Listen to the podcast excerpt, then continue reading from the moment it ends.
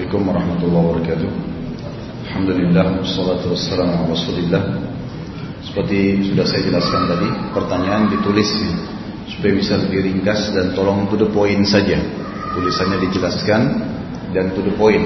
Daripada saya berikan kesempatan mengucapkan nanti malah panjang. Dan tolong usahakan juga sesuai dengan tema. Jadi jangan sampai keluar dari tema supaya materi kita lebih fokus Nah, yang pertama Ustaz mohon dijelaskan tentang hadis yang menjelaskan diciptakan laki-laki 60 hasta dan wanita diciptakan 40 hasta. Riwayatnya siapa? Saya tidak tahu loh kalau diciptakan. Yang saya tahu dibangkitkan. Allah Subhanahu wa taala akan bangkitkan nanti ya e, mereka pada hari kiamat, ruhnya nanti diberikan jasad. Ya bisa juga dibahasakan diciptakan kembali ya. Jasad itu itu hadis Bukhari. Dalam hadis Bukhari tentang masalah mahsyar saya tidak ingat sekarang babnya, bab berapa, nomor hadisnya berapa, tapi itu hadis sahih riwayat Imam Bukhari. Jadi itu insya Allah hadis sahih. Mohon penjelasan boleh tidaknya memasang kaligrafi Allah dan Muhammad dalam masjid. Apakah boleh memasang kaligrafi Allah dan Muhammad tersebut sejajar? Sebenarnya kalau kita kembali ke zaman Nabi SAW tidak ada. Tidak ada dipajang kaligrafi. Karena di zaman Nabi SAW sudah ada keterampilan membuat pahat kayu. Tapi memang tidak dipajang seperti itu. Tentu lebih sesuai dengan sunnah kalau tidak ada. Lebih sesuai dengan sunnah kalau tidak ada. Kalaupun ada pendapat ulama yang membolehkan itu untuk menghiasi masjid, maka tidak boleh berlebih-lebihan. Karena memang ada hadis yang menjelaskan tanda-tanda hari kiamat adalah masjid dihiasi secara berlebihan, gitu kan? sampai akhirnya e, hiasan itu membuat seseorang bisa lalai terhadap akhirat. Nah, ini juga termasuk ada larangan-larangan masalah itu. Tapi ada pendapat sebagian kecil ulama mengatakan boleh saja kalau tidak berlebihan, ya. tapi yang diletakkan itu pun sesuatu yang memberikan simbol bahwasanya itu masjid. Misal lafzul jalala Allah atau uh, Allah diikuti dengan nama Nabi Muhammad SAW. Tapi ini pendapat yang tidak begitu dipegang oleh para ulama ya. Makin bersih masjid itu dari sebuah tulisan maka makin sesuai dengan sunnah. Makin sesuai dengan sunnah sebagaimana dicontohkan di zaman Nabi Sallallahu Alaihi Wasallam. Bagaimana Nabi Sallallahu Alaihi Wasallam waktu berziarah kubur orang tuanya apa yang dibaca? Nabi Shallallahu Alaihi Wasallam disebutkan hanya menziarahi kubur ibunya Aminah di daerah Rabwah di daerah Rabwah. Beliau bersabda dalam hadis yang sahih bahwasanya aku meminta izin kepada Tuhanku untuk menziarahi kuburan ibuku maka, maka aku diizinkan dan aku meminta izin kepada Tuhanku untuk beristighfar untuk ibuku maka aku tidak diizinkan. Kenapa? Karena ibunya Nabi SAW meninggal dalam keadaan kufur. Ayah dan Nabi ayah dan ibu Nabi SAW meninggal dalam keadaan kufur. Ini keyakinan ahli sunnah wal jamaah. Karena Nabi SAW sendiri yang memberitakan masalah itu. Dan ini tidak mengurangi kadar beliau Sallallahu Alaihi Wasallam. Karena kedua orang tua beliau masih menyembah berhala. Dan ini sudah terjadi pada nabi-nabi sebelumnya. Seperti Nabi Ibrahim alaihissalam, kakek Nabi Muhammad SAW, ayahnya bernama Azar, memang meninggal dalam keadaan kufur. Nabi Nuh alaihissalam itu istrinya, anaknya. Nabi Lut istri dan anaknya. Semua dalam keadaan kufur itu bukan aib, bukan aib bagi figur seorang nabi. Tapi ini memang sesuai dengan informasi Nabi SAW. Tadi hadis tentang menziarahi kubur Aminah itu disebutkan oleh Imam Al-Hakim dalam Mustadraknya dan juga Bayi Hakim menyebutkan. Ya, ini uh, dengan sanad yang sahih tentang Nabi SAW pernah minta menziarahi kuburan ibunya diizinkan. Waktu in, minta istighfar maka Allah SWT tidak izinkan. Kemudian masalah ayahnya adalah hadis Nabi SAW juga pada saat dalam hadis Bukhari di mana Nabi SAW pernah didatangi oleh beberapa sahabat dan mereka bertanya hal-hal yang sepele. Kadang-kadang kalau ada hukum turun, lalu mereka bertanya kenapa tidak begini ya Rasulullah dan kenapa tidak begitu ya Rasulullah.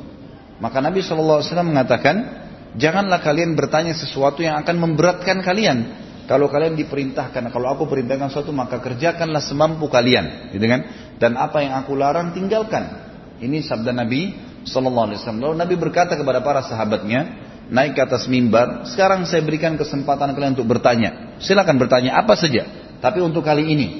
Maka ada seorang sahabat yang baru masuk Islam.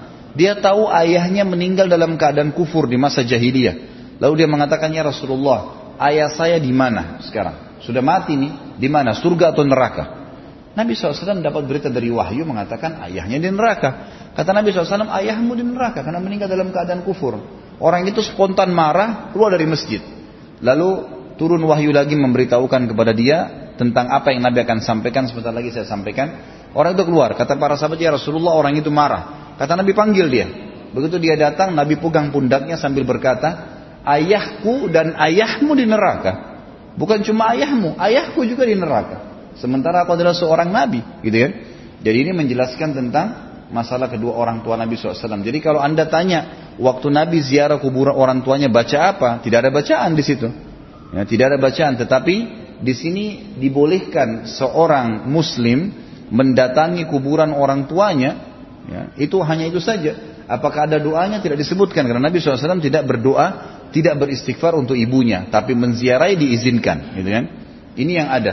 Tapi kalau yang anda ingin tanya adalah bagaimana atau apa yang dibaca seorang muslim pada saat menziarahi kubur itu memang ada sendiri. Nanti ada pasal yang kita bahas berhubungan dengan pasal kita juga masalah azab dan nikmat kubur. Ya. Kalau seseorang muslim mendatangi kubur disunahkan dia membaca Assalamualaikum dara kaumin mu'minin ya keselamatan bagi kalian bagi penghuni tempat orang-orang yang beriman antumus sabiquna nahnu insyaallah bikum lahikun kalian telah mendahului kami dan kami akan menyusul kalian ada tambahan riwayat mengatakan ghafarallahu mustakbinina mustakdimina minkum wal mustakhirina minna semoga Allah mengampuni orang-orang kalian yang telah mendahului kami dan mengampuni kami juga yang akan menyusul kalian ada juga riwayat-riwayat lain yang menyebutkan tentang masalah ragam doa datangi kubur intinya kita memberikan salam dan mendoakan mereka itu ada Bagaimana di zaman waktu hidupnya Hajjaj? Hajjaj ya, bukan had, ini Hajjaj tulisannya. Hajjaj bin Yusuf, ya, Hajjaj bin Yusuf terkenal banyak membunuh orang. Apakah ketika itu umat Islam lemah sehingga sewenang-wenang e, tidak tersentuh hukum dan dia ikut-ikut menciptakan atau membuat tanda di tiap juz Al-Quran. As-Thuluth. Demikian mohon penjawabannya Ustaz. Jadi Hajjaj bin Yusuf ini adalah Perdana Menteri Perdana Menteri uh, uh, beberapa khalifah yang ada di zaman uh, Umayyah, ya, di zaman pasca uh, kerajaan pertama dalam Islam Umawi, ya, Umawi. Jadi Hajjaj ini memang ada di zaman Yazid, di zaman setelah Yazid, khalifah yang datang, khalifah kedua setelah Muawiyah, memang dia ada memimpin dan dia perdana menteri dia lebih banyak mendomina, mendominasi e, kepemimpinan yang ada di wilayah dua Irak, maksudnya wilayah Persia, Irak, Iran, Afghanistan, sebagian besar wilayah Rusia dulu di bawah naungannya dia. Maka memang dia zalim, terkenal dengan kezalimannya. Kalau ada seseorang yang menolak menolak pendapat dia, ya, aturan dia, maka dia membunuhnya walaupun itu adalah ulama. Bagi dia dianggap dia pemerintah, maka harus absolut diikutin, tidak boleh tidak. Kalau tidak diikutin maka dia punya hak untuk menghukum. Dan orang yang terakhir dia bunuh adalah ulama besar dari tabiin bernama Sa'id bin Musayyib rahimahullah. Sa'id bin Musayyib ini waktu akan dibunuh oleh Hajjaj, Hajjaj sempat berkata, apa permintaanmu sebelum kamu saya bunuh? Kata Sa'id bin Musayyib sambil tersenyum, kalau kau bunuh saya, kau telah menenangkan saya dari urusan dunia. Ya, dan saya akan mendapatkan apa yang saya dapatkan dari Tuhan saya dan kau juga akan mendapatkan apa yang kau akan dapatkan dari Tuhanmu. Dan hai Jajjaj, kalau seandainya kau membunuh saya, maka saya berdoa kepada Allah agar memberikan kamu hukuman seribu kali pedih, ya pedih kali lipat, seribu kali lipat pedihnya membunuh saya, sehingga kau tidak akan membunuh lagi orang setelah itu. Maka setelah dia membunuh Sayyid bin Musayyib rahimahullah, Hajjaj pun akhirnya eh, pada malam itu nggak bisa tidur dan dia mimpi ya dengan kedatangan Said bin Musayyib rahimahullah dan Said bin Musayyib uh, apa namanya uh, mendatangkan atau dengan izin Allah Allah menghukum si Hajjaj ini tidak bisa tidur dan dia lihat Said bin Musayyib akan membunuh dia. Maka dia pun sambil sampai meninggal dia mengatakan Said bin Musayyib telah membunuh saya dengan seribu jiwa dengan seribu jiwa sampai dia meninggal keesokan paginya. Itu ringkas cerita saya tidak bicara tentang kezalimannya, tapi memang ada hal-hal yang dia lakukan. Tadi misalnya dia merasa karena dia pemerintah, maka pada saat itu dia sewenang-wenang. Orang yang bertolak belakang maka dibunuh sama dia. Tapi akhirnya Allah tutup hidupnya dengan kesusahan. Kalau ditanya apakah pada saat itu umat Islam lemah, bukan masalah lemah, tapi dia adalah pemimpin, pemerintah, dan kekuatan militer di bawah tangan dia. Dan dia memang menganggap bolehnya menghukum atau membunuh orang-orang yang bertolak belakang dengan peraturan dia. Peraturan dia yang dianggap peraturan pemerintah. peralatan pemerintah. Dia juga yang telah membunuh sahabat Nabi Abdullah bin Zubair radhiyallahu anhu pada saat Abdullah bin Zubair mendirikan khilafah sendiri di Mekah yang sempat berdiri berapa bulan. Maka dia menganggap Abdullah bin Zubair telah keluar dari pemerintahan Yazid waktu itu yang dianggap khalifah resmi. Maka dia pun membawa pasukannya untuk menyerang Mekah pada saat itu dan akhirnya membunuh Abdullah bin Zubair radhiyallahu anhu gitu kan. Jadi itu yang terjadi memang, tapi dia adalah seorang muslim yang memang melakukan banyak kesalahan-kesalahan karena istihad dia sendiri secara pribadi dan dia bukan seorang yang alim. Dia bukan seorang yang alim. Dia adalah seorang politikus yang memang pada saat itu menguasai besar sekali wilayah Islam dan di tangannya juga ada keadilan karena pada saat itu jihad banyak tersebar Islam dia hanya tidak mau diganggu tentang keputusan dia saja. Maka dia anggap itu boleh dihukum mati kalau ada orang yang menentang keputusan dia yang dia anggap yang dia anggap tidak melanggar agama. Yang dia anggap tidak melanggar agama. Kurang lebih seperti itu. Kalau masalah hukum lemah atau tidak ya Allah alam yang saya tahu sih itu di abad-abad pertama Islam hukum kuat sebenarnya. Cuma dia termasuk gubernur terbesarnya khalifah pada saat itu yang ada berkuasa. Ustaz bagaimana hukumnya apabila ada yang melarang anak-anak untuk sholat di masjid dengan alasan membuat berisik dan terkadang ada yang melarang anak-anak untuk sholat di saf paling depan. Alasannya dapat memutuskan saf si anak udah berumur 7 tahun dan Alhamdulillah si anak sudah pintar. Tentunya dirincikan oleh ulama. Bolehnya anak diajak ke masjid itu ya kalau sama ayahnya ya itu sinut tamiz Sinu tamiz ini maksudnya umur sudah bisa membedakan mana baik mana buruk. Memang antum tidak dianjurkan membawa anak bayi, anak kecil di bawah umur tamiz. Tamiz ini tujuh tahunan memang ya tujuh tahun sampai sepuluh tahun. Karena memang khawatir akan mengganggu orang sholat. Kita tetap boleh mengajar sholat. Hikmah Kenapa seorang muslim dianjurkan kalau pulang sholat sunnah di rumahnya itu untuk memberikan pelajaran kepada anaknya. Tapi kalau anak antum sudah dididik, sudah tahu, dia tenang, dia ikut sholat, nggak ada masalah, diajak. Dan insya Allah tidak memutus saf, tidak memutus saf. Di zaman Nabi SAW ada sahabat-sahabat yang masih umur 7 tahun, 9 tahun dan mereka hadir di masjid. Seperti kita kenal dengan Abadilah yang empat. Empat Abdullah. Abdullah bin Umar, Abdullah bin Abbas, Abdullah bin Mas'ud, Abdullah bin Amr bin As. Ini terkenal dengan empat Abadilah, empat Abdullah yang terkenal ulamanya sahabat nantinya. Itu mereka waktu Nabi SAW diutus dan sering menyampaikan wahyu dan mereka tidak pernah ketinggalan lima waktu sholat di masjid. Umur mereka antara 7 sampai 9 tahun. 7 sampai 9 tahun. Dan ini dibolehkan mereka hadir. Tapi memang kalau lebih kecil dari ini, Allahu alam kalau memang akan mengganggu kehusuan antum dalam sholat, lebih baik jangan ditinggalkan sama ibunya di rumah atau kalau memang seorang muslim, saya bicara laki-laki, kalau seorang muslim harus ke masjid, ada taklim, tidak ada yang jaga anaknya, maka dia boleh membawanya. Di zaman Nabi Shallallahu Alaihi Wasallam yang sering membawa anak kecil adalah ibu-ibu, dan itu dibolehkan oleh Nabi SAW. Tapi bapak-bapak tidak membawa anak-anak yang kecil yang akan mengganggu ke sholat, gitu kan? Maka itu dibolehkan. Sebagaimana juga sabda Nabi Shallallahu Alaihi Wasallam dalam hadis Bukhari, pernah beliau lagi sholat, terus beliau mempercepat sholat. Ya, dua mempercepat sholat. Dua rakaat pertama beliau tenang, dua rakaat kedua beliau mempercepat. Tapi saya lupa riwayat itu menjelaskan duhur atau asar. Kemudian setelah salam kata beberapa sahabat ya Rasulullah, kami menemukan anda di dua rakaat pertama pelan, di dua rakaat kedua kenapa buru-buru?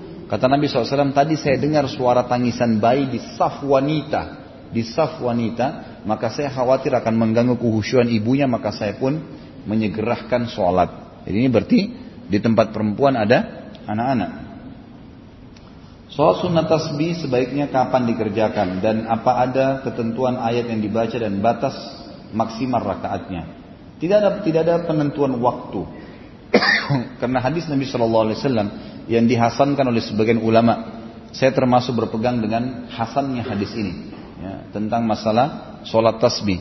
Tapi ini tidak dikerjakan berjamaah dan ini dikerjakan 2 sampai 4 rakaat. Umumnya kalau hadis menjelaskan masalah itu. Sebagaimana sabda Nabi SAW kepada pamannya Abbas. Wahai Abbas, saya sarankan kepada kamu kerjakanlah sholat ini setiap hari kalau kamu mampu. Kalau tidak bisa kerjakanlah sepekan sekali. Kalau tidak bisa sebulan sekali. Kalau tidak bisa setahun sekali. Kalau tidak bisa sekali seumur hidupmu. Kalau kau berhadap, bersuci menghadap kiblat maka bertakbirlah. Lalu mulailah dengan tasbih. Subhanallah, Alhamdulillah, wa la ilaha akbar. Ya, itu sebanyak 15 kali. Lalu kemudian baca iftitah, baca surah, kemudian ruku. Sebelum membaca dua ruku, membaca tasbih lagi subhanallah alhamdulillah wa la ilaha akbar sebanyak 10 kali. Berarti sudah 25. kemudian i'tidal, sebelum baca dua i'tidal membaca lagi tasbih. Kemudian 10 kali, berarti sudah 35. Sujud, sebelum membaca dua sujud membaca tasbih 10 kali, dia sudah 45. Kemudian duduk di antara dua sujud sebelum membaca dua, duduk di antara dua sujud membaca tasbih tadi, subhanallah alhamdulillah Allah akbar 10 kali. Dia sudah 55, kemudian sujud yang kedua membaca lagi sebelum bacaan sujud membaca 10 kali, maka berarti sudah 65 dan sebelum berdiri ke rakaat kedua duduk istirahat namanya. Itu selalu harus dikerjakan sunnah Nabi begitu. Duduk dulu sebelum berdiri ke rakaat kedua maka membaca tasbih 10 kali. Berarti di satu rakaat itu membaca 75 kali tasbih dan ini dua rakaat. Cuma tidak dikerjakan berjamaah, dikerjakan sendiri saja. Karena tidak pernah disebutkan Nabi SAW mengerjakan secara berjamaah dan sholat sunnah boleh dikerjakan berjamaah kalau Nabi SAW contohkan seperti sholat malam, ya, tahajud, witir, tarawih. Ini memang Nabi SAW kerjakan. Sholat jenazah, sholat gerhana, sholat istisqa minta turun hujan. Ini memang dua hari raya itu dikerjakan secara berjamaah maka kita boleh berjamaah. Tapi sholat sunnah rawatib, sholat qobliyah, ba'diyah, sholat duha, kan gitu. Sholat tahiyat masjid sholat sunnah wudhu sholat taubat sholat tasbih ini semua tidak boleh berjamaah karena tidak pernah ada dalil menyebutkan masalah berjamaahnya. Kapan kita boleh tidak memberikan piutang? Karena kadang ada orang yang pinjam uang tapi bukan untuk memenuhi kebutuhannya tapi untuk memenuhi keinginannya. Dan orang tersebut tidak amanah dengan hutangnya. Tentu lihat maslahat. Karena memberikan piutang ya, memberikan utang kepada orang lain menjadi pemilik piutang itu hak pilihan ikhtiar namanya. Nggak ada paksaan di situ. Boleh nggak kalau ada orang mau utang sama saya saya tolak? Boleh. Beda mau utang dengan minta sedekah beda. Kalau minta sedekah itu dianjurkan tidak ditolak. Tidak ditolak. Jadi kita memberi semampu kita Usahakan setiap orang minta jangan ditolak, gitu kan? Kita berikan saja. Masalah keadaan dia jujur atau bohong itu urusan dia dengan Allah SWT. Tapi kalau utang itu khiar. Tidak ada unsur kewajiban situ. Kita boleh pinjamkan, boleh tidak, bebas saja. Mungkin karena kita belum kenal dia, mungkin kita khawatir, mungkin kita masih butuh, nggak apa, nggak masalah. Maaf saya belum bisa pinjamkan, itu hak anda, nggak ada masalah.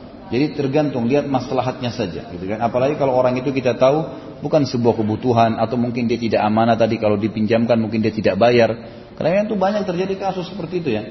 Subhanallah pada saat mereka mau utang, mereka datang merengek-rengek, tapi pada saat mau ditagi malah seperti orang yang punya piutang yang bersalah, merengek sama dia untuk mengembalikan haknya. Ini haram. Kata Nabi SAW, matlul ghani zulmun sengaja orang yang mampu tidak membayar utang adalah dosa kezaliman, dosa besar.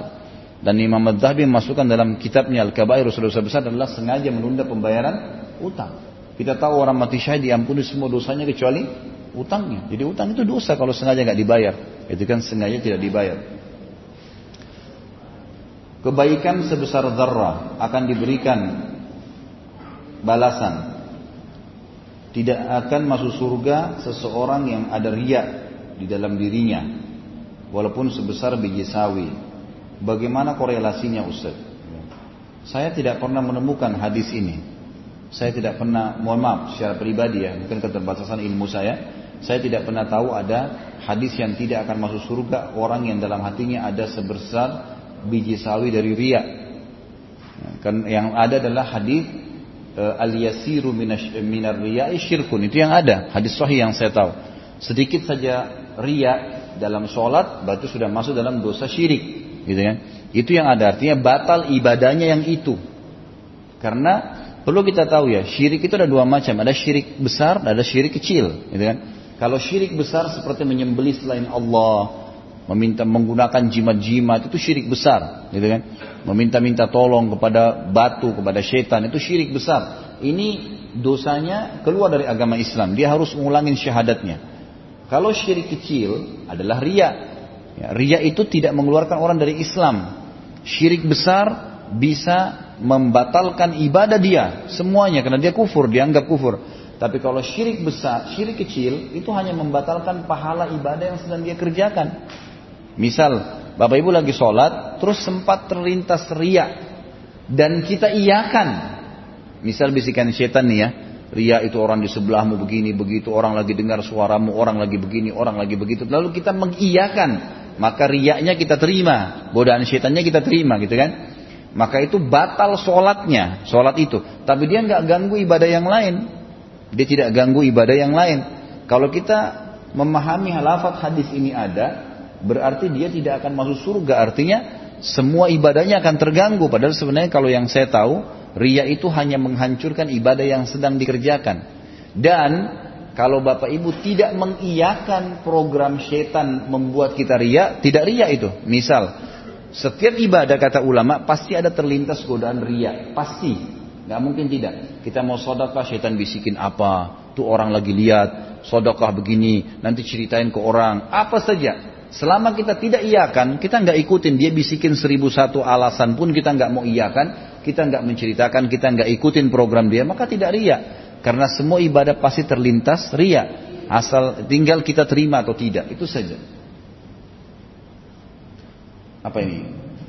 Agar tidak timbul rasa pesimis untuk bisa masuk surga. Maksudnya apa ini? Lanjutan kali ya tadi ya, sama. Ya memang kita kita tidak boleh putus asa ya.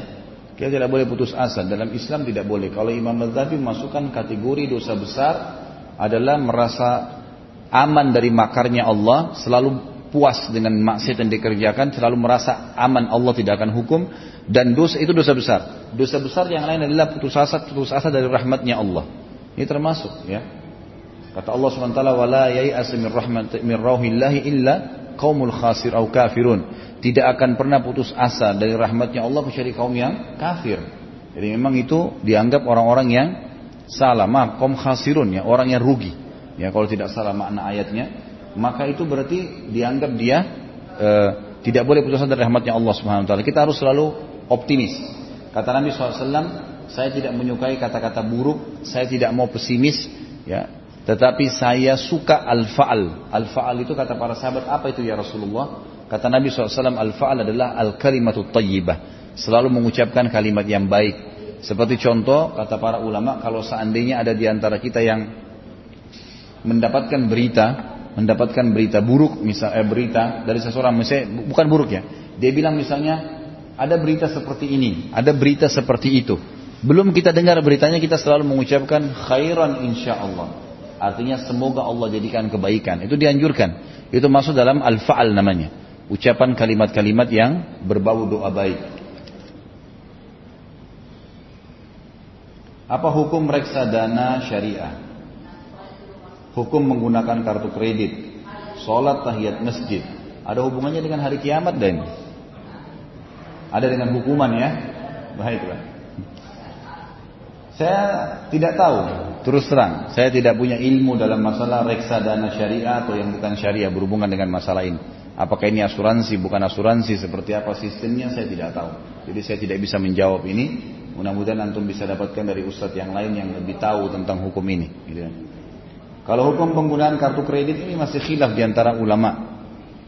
Kalau Anda darurat memang harus menggunakan berada di sebuah negara yang semuanya pakai sistem itu.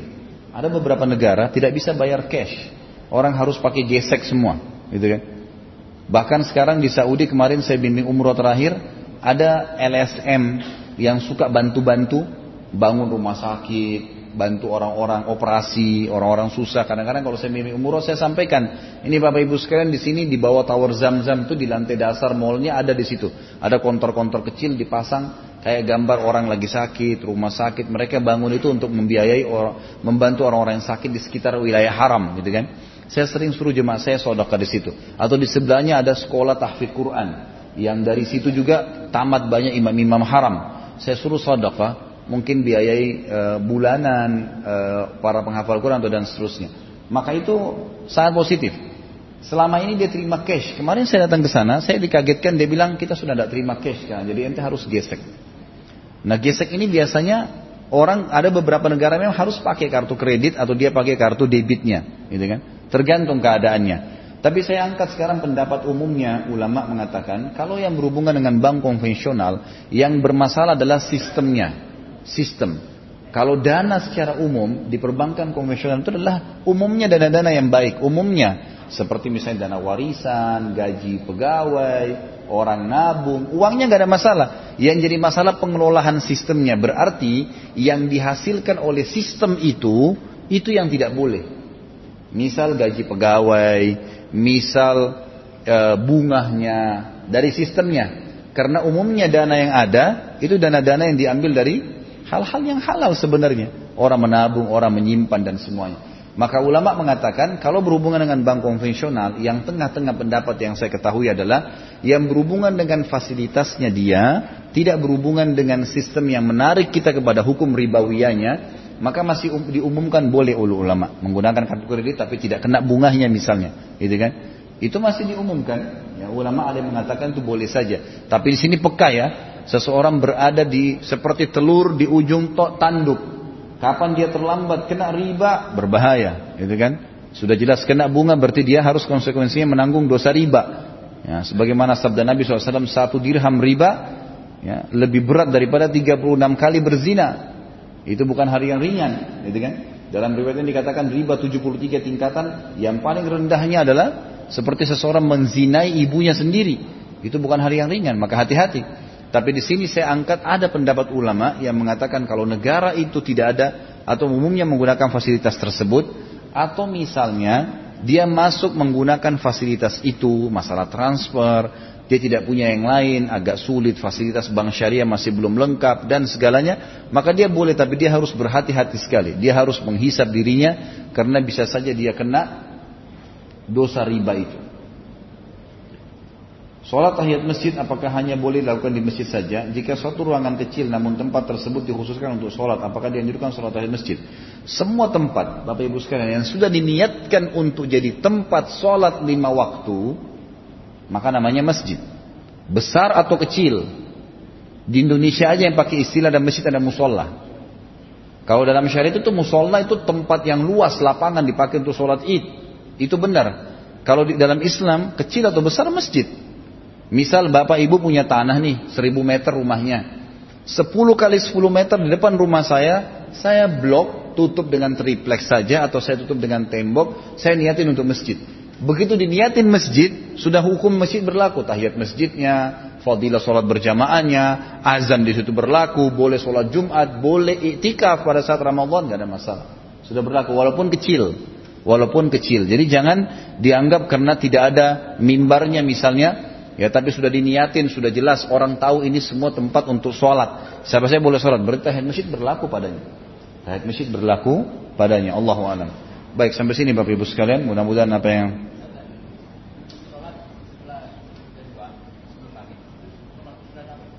Kenapa Pak?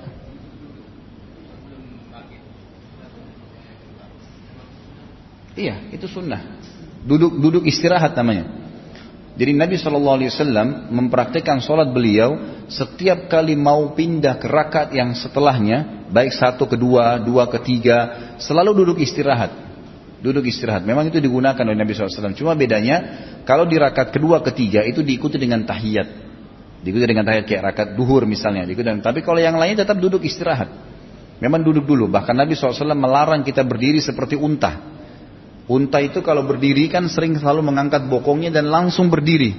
Makanya kita dianjurkan bertolak belakang dengan unta. Begitu bangun dari sujud, duduk dulu. Tenang, dari sunnah Nabi mengepal tangan, kedua tangan ditekan di depan lutut, di depan sholat, ditekan lalu didorong tubuh kita ke atas. Itu pun yang berdiri pundak dulu, bukan bokong dulu, karena bokong berarti menyerupai unta. Jadi memang termasuk sunnah Nabi SAW duduk istirahat pada saat mau rakat setelahnya. Sudah? Nanti di bab sholat itu ya.